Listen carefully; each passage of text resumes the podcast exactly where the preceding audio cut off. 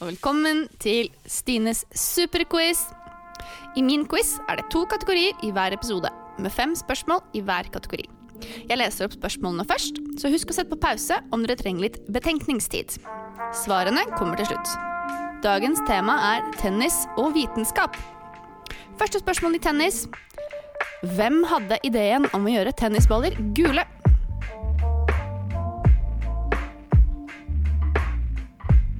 Spørsmål nummer to. Hvor kommer Roger Federer fra?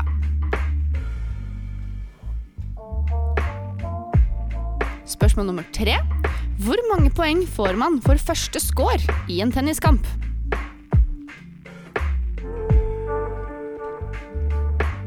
Spørsmål nummer fire. Hva var tradisjonelt strengene i racketen laget av? Og spørsmål nummer fem. Hva består The Grand Slam av? Så går vi over til vitenskap. Spørsmål nummer én. Hvilken type stoff er bakelitt?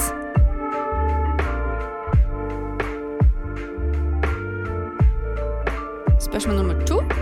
Hva er hypotermi?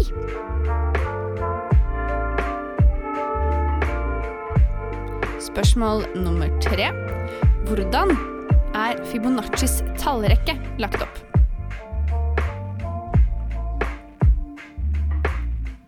Spørsmål nummer fire. Hva er måleenheten for elektrisk motstand?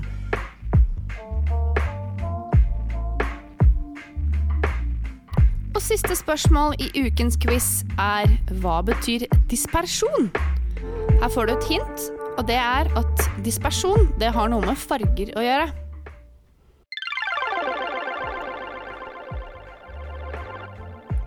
Så går vi over til svarene. Første spørsmål i kategori tennis var hvem hadde ideen om å gjøre tennisballene gule? Riktig svar er David Attenborough. Spørsmål nummer to. Hvor kommer Roger Federer fra? Riktig svar er fra Sveits. Spørsmål nummer tre. Hvor mange poeng får man på første score i en tenniskamp? Riktig svar her det er 15 poeng. Så er det spørsmål fire. Hva var tradisjonelt strengene i racketen laget av? Riktig svar er kattetarmer. Og spørsmål nummer fem. Hva består The Grand Slam av? Riktig svar det er Wimbledon, Australian Open, French Open og US Open. Så går vi over til svarene på vitenskap. Første spørsmål det var hvilken type stoff er bakelitt? Riktig svar det er at det er plastikk eller plast. Spørsmål nummer to hva er hypotermi? Riktig svar at det er nedkjøling av kroppen, og da må kroppen være under 35 grader. Spørsmål nummer tre hvordan er Fibonaccis tallrekke lagt opp? Riktig svar er Hvert tall i rekken er summen av de to foregående. Så er det spørsmål nummer fire.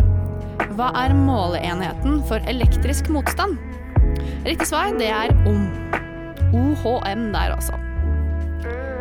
Og siste spørsmål og siste svar for denne ukens quiz er hva betyr dispersjon?